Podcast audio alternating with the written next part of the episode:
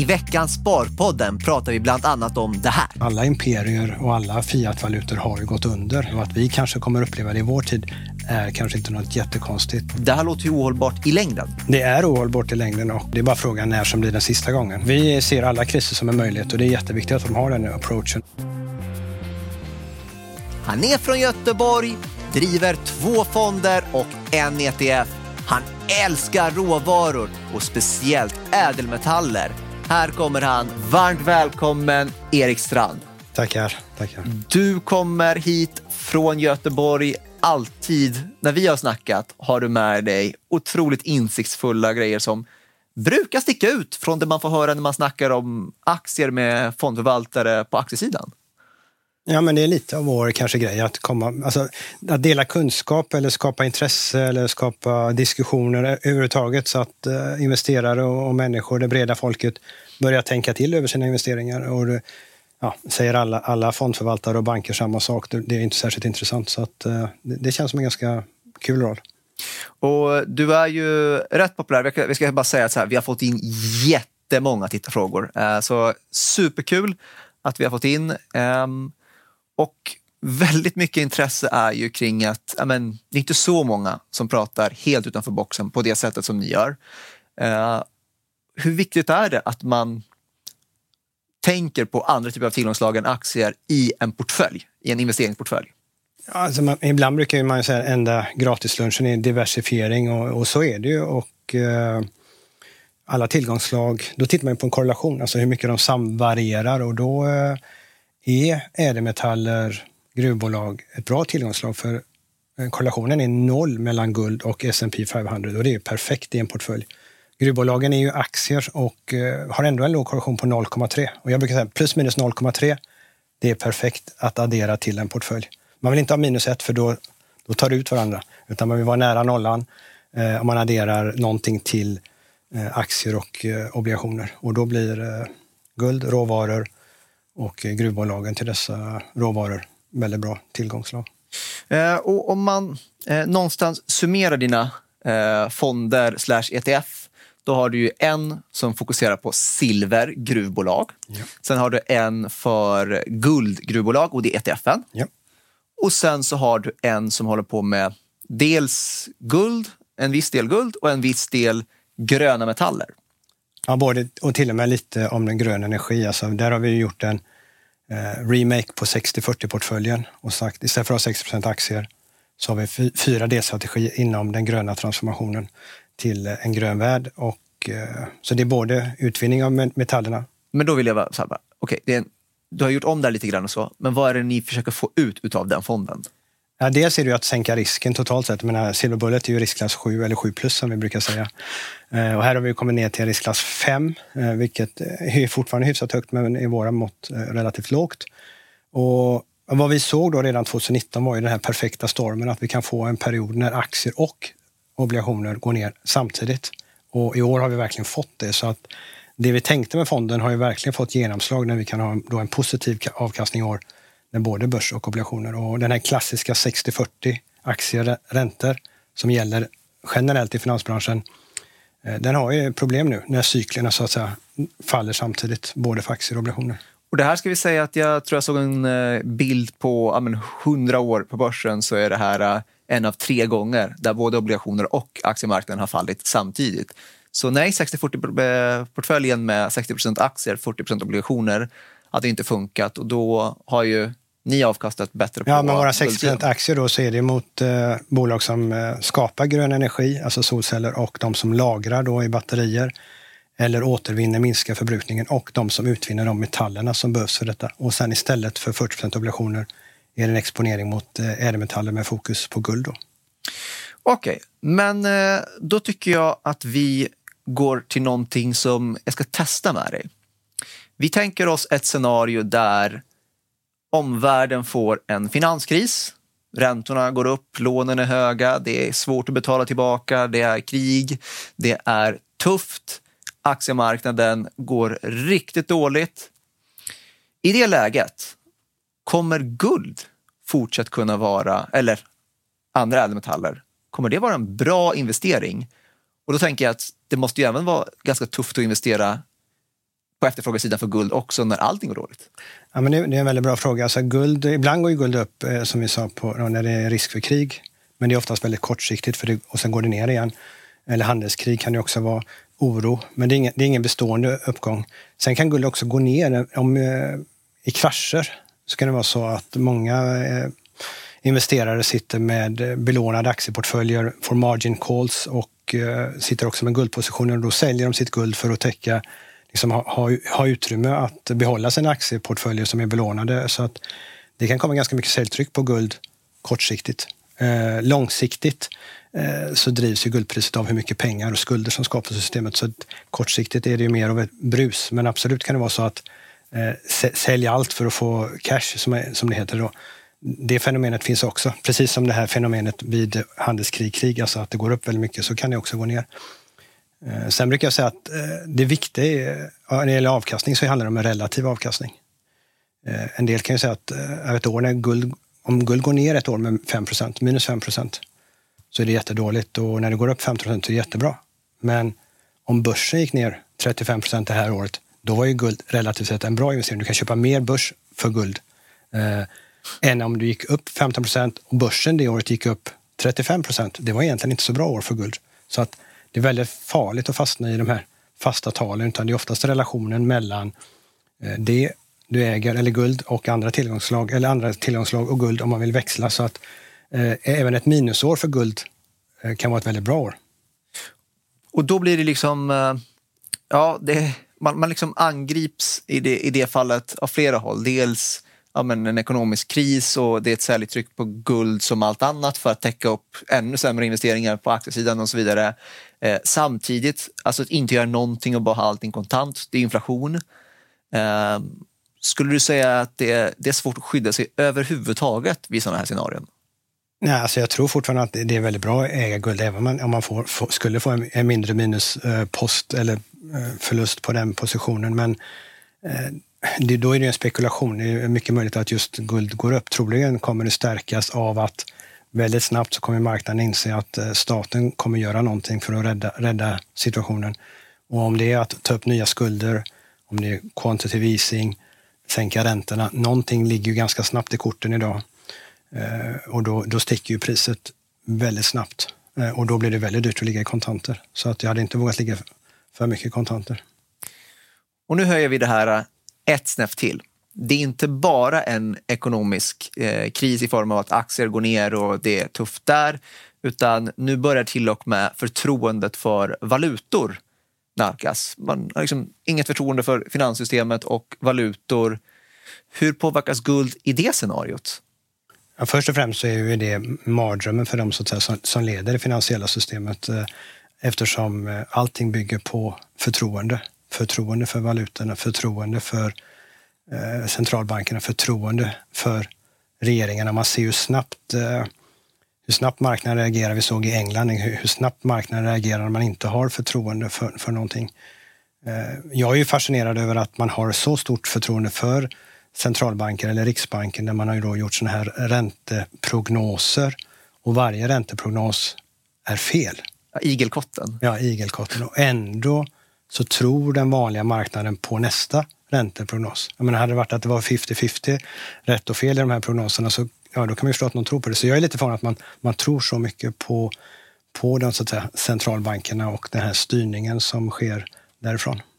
Men om jag investerar i någon av dina fonder och eh, förtroendet för valutan försvinner och så vidare, de är ändå eh, noterade i en valuta, svenska kronor i det här fallet, då, i eh, fonderna och euro i ETFen. Vad händer med mina pengar då? Alltså får jag, kan jag få tillbaka dem på något sätt eller vad skulle hända då?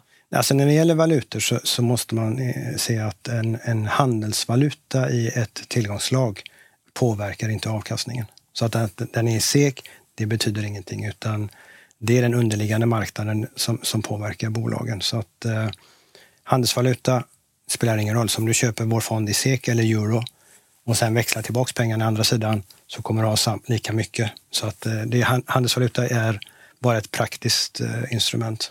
Och det är det vi använder. Vi, har, vi använder euro för att eh, det är lättare för någon i Finland att investera i euro för det är deras valuta. Lättare i Sverige att använda SEK. Men till min fråga då, säg att mm. uh, det är en kö utanför banken, alla vill få ut sina grejer, det är liksom totalt kaos och jag kommer och ringer dig, Erik, jag har investerat i dina fonder.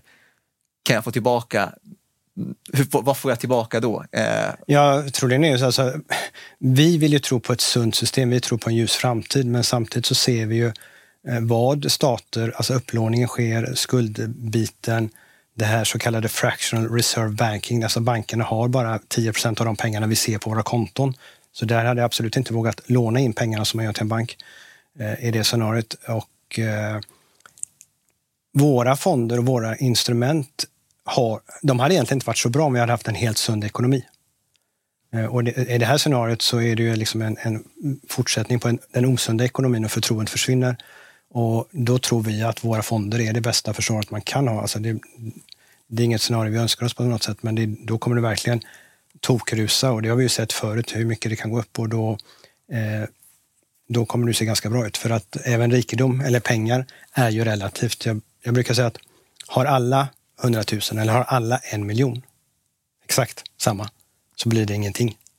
Det är inte värt någonting för att Nej. alla har samma. Så att allting är relativt och eh, i slutändan, vad det än är, om det är en uppgång eller en krasch, så blir allting relativt vad andra har, hur man ser ut så att säga. Men är det till exempel, har, har ni när ni investerar i fonderna, är det fysiskt guld och silver och sånt där? Att det finns något värdepapper som är, har fysisk uppbackning? Ja, alltså alla våra tillgångslag är, är ju fysiska oavsett om det är bolag eller om, om det är fysiskt allokerat guld som ligger bakom. Så att eh, där är total eh, säkerhet och trygghet.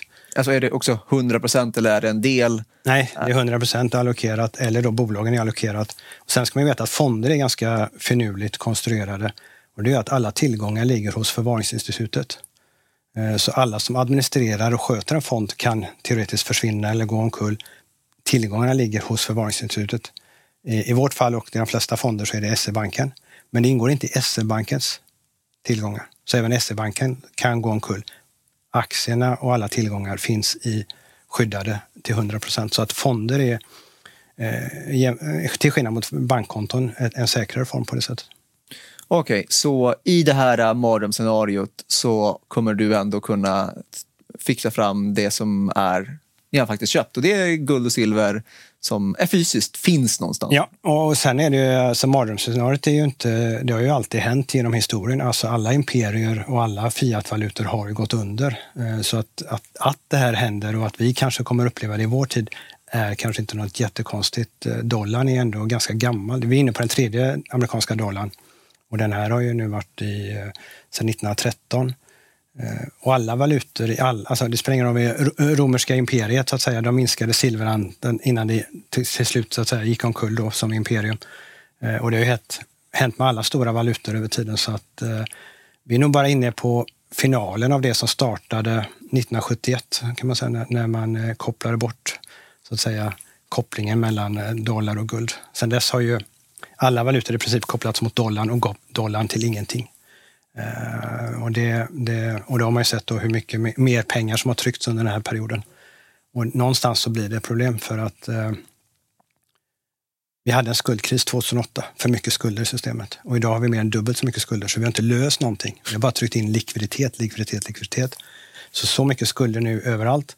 Och så kommer då räntehöjningen på detta och räntekostnaden på detta. Eh, så det, det, nu är vi inne i en väldigt svårt eh, scenario. Men eh, när jag tog de här scenarierna så var det ju mm. lite av ett stresstest någonstans och se vart står man om man har sådana här eh, mm. diversifierat sig mm. lite åt eh, råvaruhållet. Eh, men tror du att de här scenarierna är realistiska? Att det, ja, den första var ju en lite med en finanskris, så mm. den har ju hänt.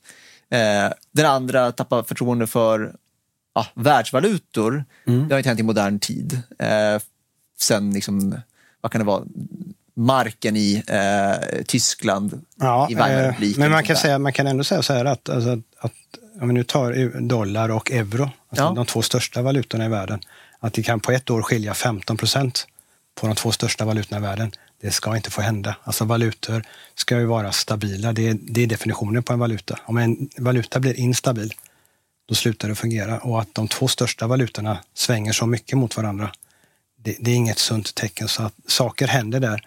Och I och med att vi har det här fractional reserve banking-systemet, att bankerna lånar på 100 kronor så lånar, kan de skapa 1000 kronor, så finns ju inte pengarna vi ser på våra konton. Och det kan bli en förtroendekris och det 2017 var det väl som Banco Popular inte kunde möta uttagen där, så det blev en bankkris i Spanien och eh, Santander fick köpa dem. Alltså, på eftermiddagen, på kvällen var de tvungna att bestämma sig och Santander köpte den andra banken då för att kunna betala ut pengar. Så pengarna finns ju inte riktigt om alla vill ha ut dem samtidigt. Men eh, har inte det här blivit bättre sen finanskrisen? Man har ju fått höra om Dot Frank och andra eh, reformer för att ja, förbättra den säkerheten. Eh, det handlar inte om att skrämma så, men det är bra att veta att de reformerna som USA ville göra, det stoppar ju storbankerna. Där ville man ju bryta loss affärsbank, alltså banker och deras investment banking, det vill säga att banker ska antingen bara hålla på med in och utlåning och andra, andra delen av banken ska vara en egen bank som håller på med de här mer spekulativa sakerna och att inlånare eller investerare antingen satsar på den försiktiga banken eller på den offensiva beroende på vilken risk man vill ta. Eh, för att särskilja detta, det ville inte banken och de lyckades stoppa den här riktigt stora förändringen man vill göra för att stabilisera systemet. I Europa så eh, ändrades ju EU-lagen att man får inte göra det här bailout. Alltså att, att staten går in och räddar, utan nu ska man ju ta pengar från obligationsinnehavarna och aktieägarna såklart, de ryker ju först. Och de eventuellt då som har lånat in pengar på banken. Så att det är ett helt annat regelverk för att försöka rädda systemet. Men med, med så mycket skulder i systemet så, så är det svårt. Och Okej, okay, mycket skulder, eh, mycket osäkerhet. Men jag vet ju att när jag väl pressat dig så har du historiskt, ja, men det har varit pessimistiskt men samtidigt har du haft en optimism. Att ja, det här är det, lite, det här är liksom, var vi lite pessimistiska, lite djupt, ja. man blir lite ledsen men, men eh, Eh, Men du har ju sagt att när det är kriser, då är det också en möjlighet, speciellt för unga. Absolut, och vi ser alla kriser som en möjlighet och det är jätteviktigt att de har den approachen. Och lite kan man säga så här att en, en riktig krasch gör det mycket mer eh, värdefullare för unga och deras löner. Alltså eh, när börsen var på topp så fick du inte mycket aktier för din nettolön. Eh, får du ner priserna i en krasch, det är väldigt bra för unga som kan köpa mer. Det är inte så bra för den som är som jag eller 60-70 år och så förlorar mer av det man har. Eh, så att man ska inte se, man ska inte se kriser som någon jordens undergång utan det är oftast möjligheter att stå på, på rätt sten. Och, problemet för mig snarare är väl att istället för att ta den där krisen så gör vi som vi gjort hela tiden. Centralbankerna går lite för långt med att höja räntan så, och så knakar det och kraschar någonstans. Och då går de in och sänker räntorna igen. Och det tror jag kommer hända igen. Så att jag tror, ja, vi, vi får, de, de kommer gå för långt för de kommer inte veta var de ska vända. Men så fort det får en riktig smäll någonstans så vänder de, börjar sänka räntorna och så fort marknaden känner det så är det uppåt överallt. Om det spelar ingen roll om det är aktier eller guld eller silver. Men, eh, så, så det, det ja. kan man ju säga att det är positivt att vi kommer se uppgångar igen. Sen kan man ju då diskutera vad de eh, pengarna är värda sen, men det är en annan sak. Men okej, okay. vi har, som jag förstår det är rätt, det är skulder vi har Mm. Sen, och det beror på att vi har haft låg ränta som tryckt upp skulderna. Eller ja, många har tagit, belånat sig och utnyttjat den här situationen. Och ja, det var lätt att låna. Ja. Ja. Och sen så har ju räntorna gått upp nu för att eh, motverka inflationen. Och då menar du på att men, sen kommer det bli för smärtsamt så att de kommer börja liksom sänka räntan igen. Men då skjuter man väl bara upp det här problemet framåt. Ja. Alltså, för då kommer det återigen samma, ja. fler kommer belåna sig och så vidare. Eh, det här låter ju ohållbart i längden. Det är ohållbart i längden och det är bara frågan när som blir den sista gången. Alltså när det här sandkornet som gör att det, det rasar. Men jag tror, jag tror inte det är den här gången. Utan eh, det är kanske gången efter. Jag tror att eh, nu kommer man, istället för att låta det krascha så kommer man hellre trycka in mer pengar och rädda det systemet igen. Men någon dag kommer vi tillbaka till det du var inne på. Var är förtroendet för de som gör de här, eh, försöker styra ekonomin. Eh, och problemet är att de försöker nu då rädda den man har skapat problemet själva och så ska man stå på andra sidan och vara duktig att man har räddat det man har skapat. Det blir, det blir lite, faktiskt, lite absurt eh, när det gäller centralbankerna där. Eh, men om man eh, vänder på det så många personer jag pratar med som, eh, som du som investerar mot råvaror så eh, väljer ändå att ha också en hel del aktier i sin portfölj. Eh, hur gör du? Är det liksom bara råvaror för dig eller kör du också aktier? Och nu menar jag så här, aktier inte mot råvaror. ja, exakt. Eh, nu är jag ju sån att jag är all in i, mina, i de fonder vi har, så att jag har inte så mycket att välja på där. Eh, men eh, när jag pratat förut så har jag väl sagt att eh, jag är positiv ändå någonstans till aktier, men har varit väldigt negativ till räntor. Det är snarare den delen man eh, har bytt ut. Så det är positivt till aktien då. Men jag tycker att vi tar en eh, tittarfråga som vi fick om eh, här från Johannes. Vad tycker Erik om Riksbanken? Och här har vi fått höra en liten eh, grej där. Men skulle han vilja se ett banksystem utan det? Och i så fall, hur skulle det systemet se ut i runda slängar? Så kort och gott, du gillar inte Riksbanken. Vad vill du ha istället? Ja, eh, om, vi, om vi gillar dem eller inte, man ska veta historien bakom hur, hur riksbankerna startades, alltså med Stockholm Bank och som, eh, där bankdirektören blev dömd till döden då för att man hade tryckt upp för mycket pengar redan då.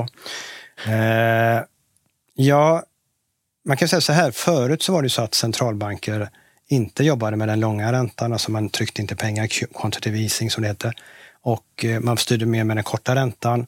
Men man hade ingen kommunikation utan man, det var tyst och man hade ett möte och sen kom ett beslut. Det här är den nya räntan. Och det här eh, på engelska forward guidance, att man ska prata om hur kurvan kommer se ut och vi kommer göra det som behövs, var inte oroliga. Eh, det tror jag var väldigt skönt att göra i början efter finanskrisen. Men jag tror att det kommer slå tillbaks för att man har nu skapat hela tiden förväntningar på vad är det någon säger och vad har de tänkt säga, vad ska de göra om de säger det. Alltså det, det blir väldigt mycket på det här istället för att som för boom, det här är räntan nu. Och så är det nästa möte, eh, alltså, utan att prata om det. För det, det, skapar en... Det var skönt i början för man lugnade marknaden. Vi kommer göra det och det. Men jag tror att eh, det kommer tillbaka och biter dem i svansen. Sen har jag börjat fundera, det här har jag inte tänkt klart än, men eftersom du ändå ställer frågan. Eh, istället för att de håller på och sänker och höjer hela tiden i fel läge. Varför kan det inte vara 3% hela tiden eller 2% eller 4% Boom!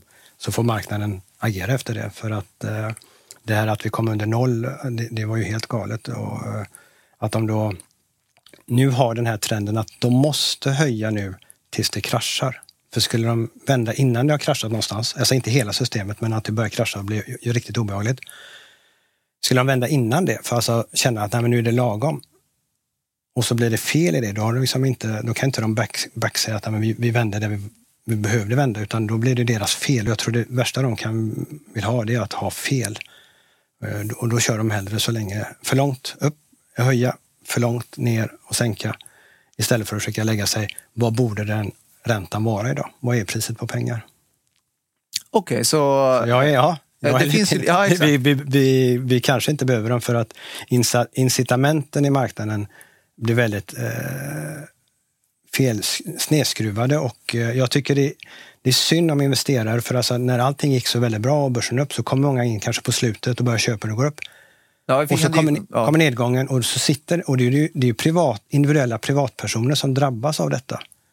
Eh, och vissa mer än andra. Och det, det, blir, jag ska inte säga att det är orättvist, att man handlar om rättvisa, men, men det är lite synd att man eh, luras in i, i det beteendet och att man kanske då hamnar snett. Och det, det, jag tycker alltid synd om individer i det fallet senare i Sparpodden. Guld är i princip oförstörbart. Vi måste ta de två starkaste syrorna som finns, kombinera dem för att överhuvudtaget kunna påverka guld. Familjen Lundin som är superkända, och superduktiga på, på eh, gruvdrift och gruvbolag, eh, de är egentligen experter på svåra länder. Och det kan man få ganska mycket betalt för. Och de som eh, lyssnar på det här nu och tänker så här, men alltså, man har kanske tagit en smäll. Eh, man började vid, vid coronan. Det var många nya kunder eh, under coronaåret eh, 2020 och sen så har de kommit in nu och det har inte gått så jättebra i år mm. som det uh, har varit breda fall på nästan allt så gott som. Och då lyssnar de på den här podden och tänker, ja men okej, uh, men härifrån, så här, är det attraktivt att investera i, mot råvaror nu? Är det eller är det... Det finns alltid en risk. Ja, ja det finns alltid en risk. Ja. Jag tror alltså råvaror, dels är de många råvaror eller råvaror ganska lågt värderade så att den risken är låg. Många av bolagen har eh, minskat sin skuldsättning jämfört med andra branscher, vilket minskar också risken. Det andra är ju att eh, guld och silver som monetära metaller eh, ska säga, mår bra av att det trycks pengar, men, men det, eftersom de är konstanter så förlorar valutorna sitt värde eh, vilket är bra. Eh, och tittar vi på de andra metallerna som behövs i den här gröna omställningen eh, så kommer de ju verkligen behövas och det är ont om dem. Eh, och det krävs väldigt mycket mer. Jag brukar ta den här elbilen att du behöver dubbelt så mycket silver. Du behöver tre till fyra gånger så mycket koppar i en elbil som en vanlig bil. Och i varje solkraft, eller solceller, vindkraftverk, överallt behöver de här metallerna. Eh, samtidigt eh, vill vi vara mindre beroende av länder som vi kanske känner som lite mer osäkra. Som vi nu har haft Ryssland. Man kanske inte var, längre var beroende av Kina när man börjar tänka efter. Eh, kanske måste vi börja producera mer lokalt, alltså i Europa. Det kommer inte bli billigare. Så att där finns mycket potential. Här måste jag stoppa dig, för du sa någonting jätteviktigt här. Du sa att vi vill göra oss mindre beroende av dels Kina, Ryssland försöker ja. vi ju redan i all eh, takt. Eh, när du investerar mot de här eh, gruvbolagen, ja. undviker du alla de länderna, Kina, Ryssland, eller investerar du globalt? Inklusive Nej, vi har ju alltså jurisdiktion, förutom likviditet, ledning och råvara, så är jurisdiktion, alltså vilket land är de verksamma i, väldigt, väldigt viktigt. Och eh, redan 2019 så, det viktiga för oss är att vi har fattat ett beslut. Sen kan det vara rätt och fel, men att vi har i processen fattat ett beslut. Och från början så eh, sa vi att vi vill inte ha svåra länder i Afrika eh, med, med de riskerna som blir. Eh, för risken blir binär att man förlorar allt i ett bolag som blir förstatligat eller någonting. Så inga sådana svåra länder i Afrika. Vi vill inte ha helkinesiska bolag, det vill säga både verksamhet och ledning. Verksamhet är redan en osäkerhet, men om ledningen och bokföringen är kinesisk också så känner vi oss väldigt osäkra på den. Det vill vi inte ha. Och vi valde 2019 heller inte att ha ryska bolag, eh, som ändå är en ganska stor eh, råvaruproducent. Eh, av den anledningen att det var eh, ett, eh, kanske inte en diktatur då, men en enmansstat, så att säga, ledning. Det har vi aldrig gått ut och sagt att det var något bra. Vi, vi kände så självklart att man tittar på risk, man fattar ett beslut. Vi kunde ha fattat andra beslut, men vi fattade beslutet att vi ska inte ha ryska bolag. Nu efteråt så känns det ganska bra att vi har fattat sådana beslut. När vi ser andra som då idag säger att de har varit duktiga och ordentliga och sålt sina ryska bolag. Men ni gjorde det 2019? Redan? Vi, ja, vi gick aldrig in i dem. Uh, För så... att vi, vi, vi, den risken, man måste titta på de, sådana risker också, inte bara se hur bolagen går, utan uh, det finns andra risker. Men vart hamnar du då? Är det Australien? och... Ja, tittar vi då, som vi börjar med Silver, Silver Bullet-fonden, då, så uh, silver 60 procent av allt silver utvinns i Nord och Sydamerika. Så vi slipper ganska mycket redan automatiskt där. Sen kan man säga så här att eh, familjen Lundin som är superkända, superduktiga på, på eh, gruvdrift och gruvbolag, eh, de är egentligen experter på svåra länder. Och det kan man få ganska mycket betalt för. Eh, men det är en expertis och de investerar ju, äger kanske halva bolaget själva, vilket är också jättebra. Men att i en fond ha ett svårt land, där du då kanske teoretiskt kan förlora allting. Du får väldigt svårt att förklara varför var du i det landet. Så det där vill vi undvika som fond. Men hur mycket har du egentligen att välja på? Om jag, om jag tar så här, säg nickel. Jag har ju fått höra att Norilsk nickel är en jätte. Liksom. Mm. Eh, ta kobolt, vad är det, 80 procent där i mm. eh, Kongo. Mm. Och där har du andrahandsmarknaden i Kina. Ja. Så om du ska ha kobolt, vad gör du? Nej, kobolt för oss är det ju intressant om vi ser att vi kan få en eh, exponering där det utvinns i Kanada till exempel. Eh, Norris Nickel, vi, vi gillade direkt inte att de hade så att säga, problem med den vattenproblematiken problematiken de hade med den skadan och så, hur de hanterar det. Så att, eh, eh, man måste, man, jurisdiktion är jätteviktigt. Eh, och sen är det viktigt var inte bara var det utvinns, utan var ledningen sitter. För att om ledningen sitter i Sverige eller USA eller Kanada eller något, vilket land som helst, England, eh, då vet man liksom att de, har, de ser det på vårt sätt. Eh, sitter ledningen också, eller sätet i bolaget i ett svårt land, då blir det ju väldigt eh, problematiskt. Ja, det, det, är lite frågan man måste, man måste titta på jurisdiktion. Och nu har ju nog kanske alla lärt sig det eftersom det inte gäller bara gruvbolag utan det gäller alla bolag att man kanske inte ska äga bolag i det och det landet. Ja, nej, men jag har haft en fascination av att hitta så här dystra städer man kan besöka och den typ dystrare staden jag hittade i Europa var Norilsk. Där det enda egentligen arbetsgivaren är Norilsk Nickel och den ska vara helt fruktansvärt som stad att bo i enligt medborgarna där. Vi flyttar inte dit då? Ah, jag ska inte flytta dit. Det fanns inga heller vägar eller järnvägar. Men du, jag ska backa tillbaka lite grann. Du sa att guld är en konstant Det finns en begränsning, så medan man trycker ut pengar så är den konstant i guld. Och då har du fått en fråga från civilekonom som undrar, eh, guld har 1,5 till 2 procent inflation supply, alltså att det ökas när man bryter ut det, samt späs ut i 9 karat, 14 karat, 18 karat etc. Är inte det ett problem? Och då menar han att eh, men, det trycks in massa guld i systemet. Alltså guld är alltid guld, så det späs ju aldrig ut. Alltså det finns ju, alltså andelen 24 karat guld är ju vad den är, även i ett smycke som är 18 karat. Så gulden, där ändras ju ingenting. Eh, men mer guld får vi eh, på jorden eftersom vi utvinner guld. Och guld försvinner ju inte på jorden, utan eh, guld är ju i princip oförstörbart. Du måste ta de två starkaste syrorna som finns, kombinera dem till så kallat kungsvatten för att överhuvudtaget kunna påverka guld. Alltså ingen, guld reagerar inte med någonting. Eh, så guld är väldigt eh, cirkulärt och eh, om man har ett guldsmycke så kan det faktiskt vara guld i det från årtusen eller från egyptisk tid till och med. Alltså, allt guld finns kvar. Så det är korrekt, mängden guld ökar. Samtidigt är det så att mängden pengar ökar mycket snabbare. Och det ser vi ju då att Eh, gulden, eh, guld är guld och att eh, valutorna tappar i värde i olika takt, i olika faser, men de tappar hela tiden värde mot guld. Eh, redan, alltså bara de här 22 åren, alltså 2000-talet, så har ju de flesta valutor tappat 80 procent av sitt värde mot guld. US-dollarn, som nu råkar kännas, alla tycker den är stark för att alla andra valutor är svaga. När man släppte den här kopplingen 1971, och 15 augusti, sen dess har eh, eh, dollarn tappat 97,3 procent i värde på lite drygt 50 år. Mot samma mängd guld. Ja, så där ser man ju, alltså det här, ja, mängden guld ökar, men mängden pengar i systemet ökar väldigt mycket snabbare, vilket gör fiatvalutor, alltså de pengarna, mindre värda. Då. Och nyckelfaktorn är den här differensen i mängden. Ja. ja okay. eh, och då fortsätter jag på uh, fler frågor som jag tycker vi har varit inne på lite grann, men vi får backa tillbaka för att ta de här. Eh, vad köper man nu? Frågetecken. Fysiskt guld, silver versus gruvor. För du har varit inne lite grann på det, att du kan äga dem fysiskt och ni kan äga dem i gruvor. Och Silver Bullet till exempel, den fonden, då är det silvergruvbolag. Där är det gruvbolag. Eh, I Precious Green-delen, den här 40-procentiga delen, där är vi inne mot råvaran guld. Så att vi har lite av både och i lite olika eh, delar av de olika fonderna. Då. Eh, jag brukar säga så här att om man tar ädelmetaller, guld, silver, platina, palladium, som en spelplan. Är man ute efter att få en försäkring, ett skydd i portföljen, då är det ju råvaran guld.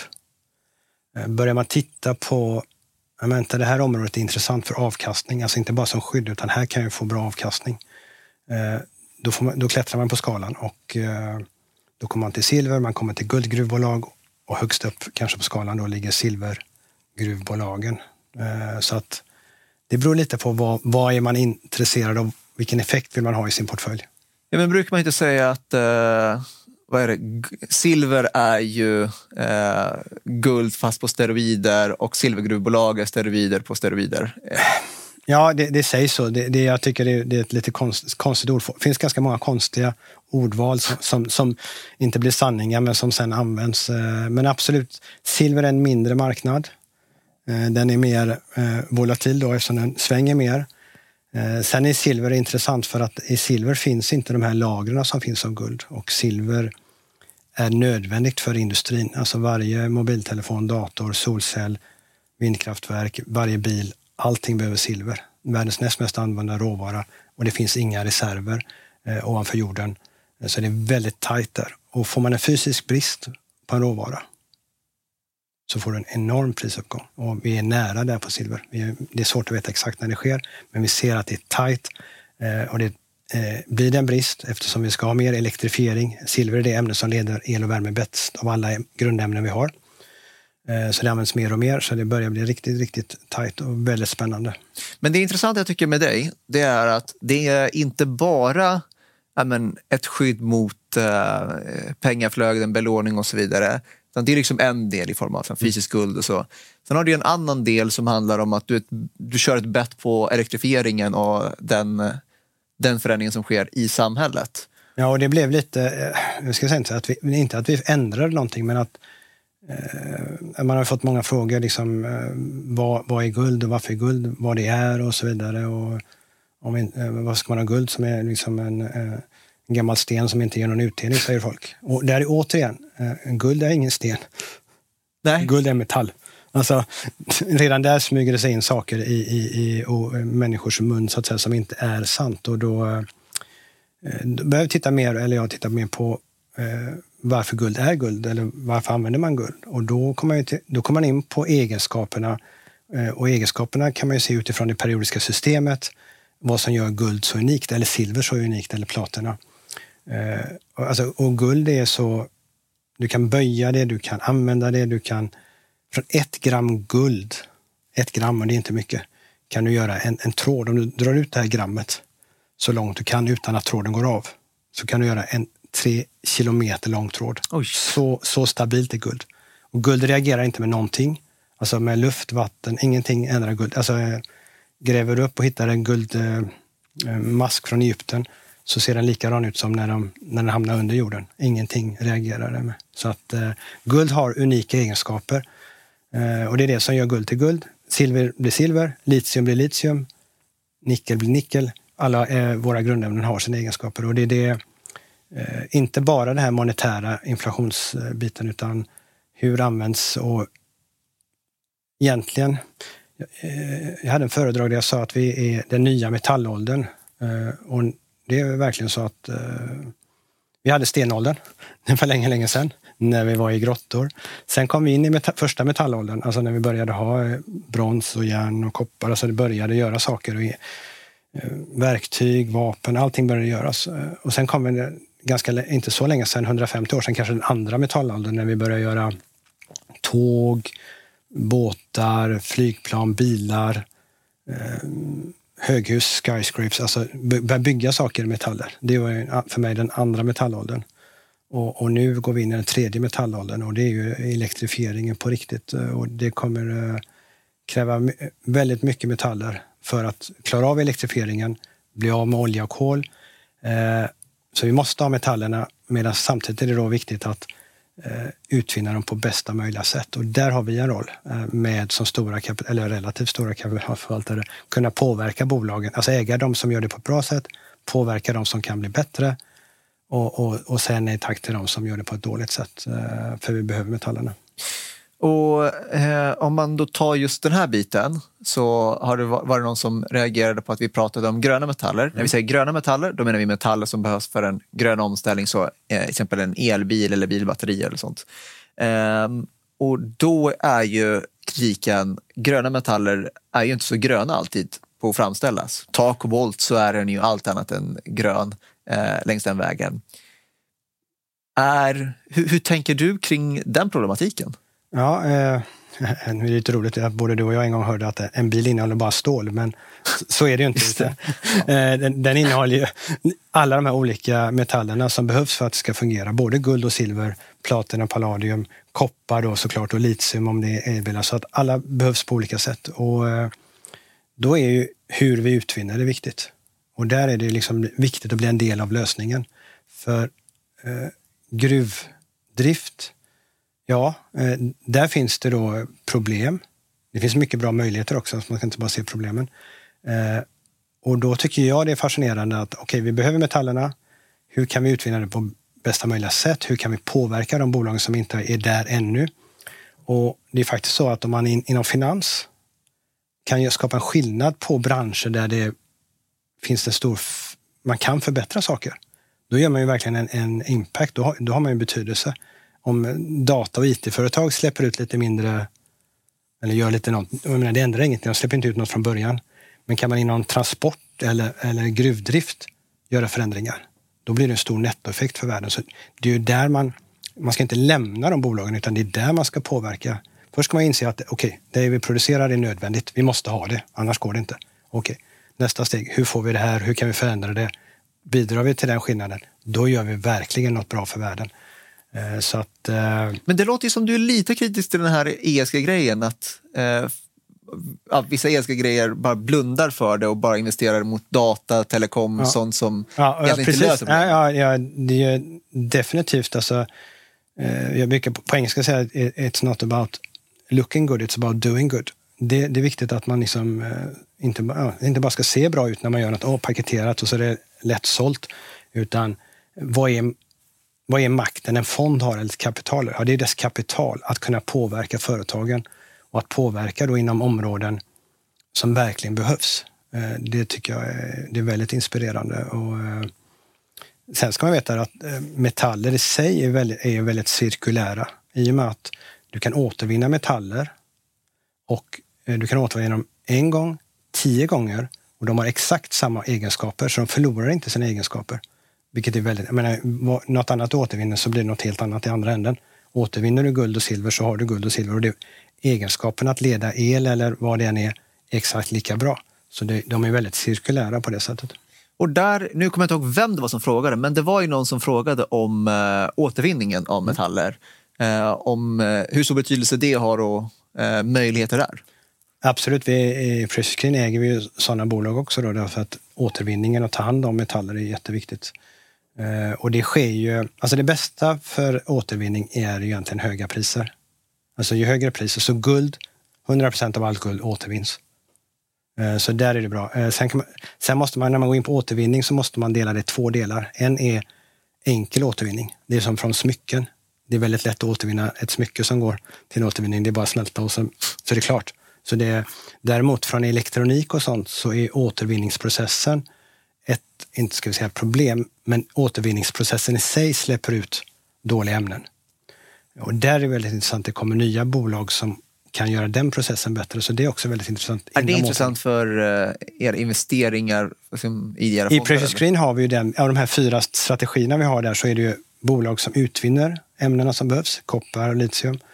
Eh, bolag som producerar el, solcellsbolag och så vidare. Och sen har vi de som lagrar el, alltså batterier eller uh, vätgas fuel cells. Och det fjärde benet där är bolag som ser till att vi kan använda mindre energi, alltså så vi inte använder det överhuvudtaget. Och eh, och bolag som återvinner de metaller. Så att, eh, där har vi bolag för det också. Okej, okay. men då har jag en eh, fråga från Jonny eh, som undrar, kan guldet nå 1000 kronor grammet? Och då är den på cirka 600 kronor just nu per gram. Alltså guld har ju som jag ser inga problem att gå upp ganska mycket med tanke på, på det sättet vi sköter ekonomin, det vill säga. Men på, inte lång sikt, utan på kort sikt?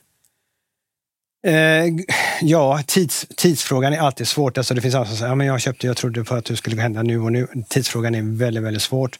Just nu som sagt väntar marknaden på att man ska sluta höja räntan, att man kraschar det där. Eh, men det kan, ofta är det så att ädelmetallspriserna rör sig. Någon sa så här att, liksom de, eh, att de går långsamt ner eller håller sig där och sen när det går upp så tar det hissen upp. Det går väldigt fort upp så det rör sig inte så där långsamt. Så att det kan ske väldigt, väldigt fort. Så att eh, ja, eh, jag tror inte att det ska behöva ta så lång tid. Eh, och sen så, vi har ju så här, vi har ju nämnt att det finns en, du har en fond som heter Silver Bullet, en vanlig fond, en annan fond som heter Precious Green. Okay? Sen har du en ETF och det är väldigt sällan man har eh, svenska ETFer och, eh, och, nu är den dessutom listad i Europa. Eh, vad var tankeprocessen med att göra en ETF? Ja, vi tycker det är spännande att försöka skapa koncept inom marknaden och vara, vara lite före om det gäller marknadsföring eller om det gäller fondtänk eller hållbarhet. Vi, vi vill vara steget före och inte hänga efter något utan tänka nytt. Eh, och då tyckte vi att en ETF är ju riktigt spännande att få vara med och göra. Och det finns ju inga i Sverige utan med, ja, exakt, och de är ju bara inriktade mot svenska stora bolag, svenska småbolag. Eh, så nu har vi gjort något som är globalt. Okej, okay, det är på vårt tema, guld eh, och ädelmetaller. Eh, och det är, det är väldigt spännande att göra en ETF, särskilt när man gör det inom en sektor, för då måste man tänka till. För gör man en sektor-ETF kan man få... Men ETF är ju helt regelstyrd. Det är ingenting vi kan göra. Och då kan man få för hög koncentration i några få megabolag. Så att eh, det gäller, vi har ju varit lite vad vi tycker smarta då, att gjort den lika viktad. Eh, I den har vi sett till att få de eh, 25 bolag som är bäst inom ESG, inom guldutvinning eller ädelmetallsutvinning. Så att vi får, den får ju väldigt bra rating alltså när det gäller det här med glober. Det är inte så att vi tycker det är det viktigaste, men den får ju sina fem glober och den har på MSCI högsta rating man kan ha, både inom sektorn men också högsta rating inom alla kategorier av fonder. Men du rättade dig själv lite grann när du sa guld och så här, ädelmetaller. Ja. Är det för att det finns mer än guld? Man kan säga så här att eh, namnen på de ETF som finns i marknaden är Gold Mining eller Gold Miners. Eh, och då vill vi inte bryta den trenden. Men eh, ska man vara helt exakt så är det ju ädelmetaller där guld är den i dagsläget då största delen. För inga gruvbolag utvinner bara guld utan man utvinner guld, platina, palladium eller tvärtom. Vill man, är man ute efter platina och palladium så, så hittar man guld och silver. Eh, så jag brukar säga att det blir ungefär 70% guld och 20% silver och 10% platina och palladium exponering. Och den här fonden når man, eh, den vet, jag vet att den finns på Nordnet, eh, men den är listad i vad är det, Frankfurt? Den är listad i Frankfurt, den man når i, i Sverige eller Nordnet är, är listad i Frankfurt. Sen är den listad i London i både dollar och pund och sen är den listad i, på Parisbörsen, Milanobörsen och Zürichbörsen. Där är det schweizerfranc. Men å, återigen, det är bara handelsvalutor så egentligen spelar det ingen roll var man köper dem. Men eh, från Sverige så blir det Frankfurtbörsen etc. Och den här är en av våra faktiskt på Nordnet som man kan månadsspara i. Ja, det tycker vi är kul att man liksom, eh, det har inte funnits riktigt möjlighet att göra det förut och det, det har vi sett till att den går att månadsspara i Nordnet. Och eh, Nordnet är ju Eh, om vi nu ändå sitter här, faktiskt väldigt, ja, ska vi säga ledande när det gäller ETF i Sverige. Ja, kul att höra faktiskt. Eh, Erik, superkul att ha dig här. Jag behöver runda av här. Eh, ni som eh, lyssnar på Sparpodden, tack för att ni var med oss. Och kom ihåg att det här finns ju också på Youtube att se i videoformat. Och ni som ser det här på Youtube, ni ser oss. Tack och på återseende.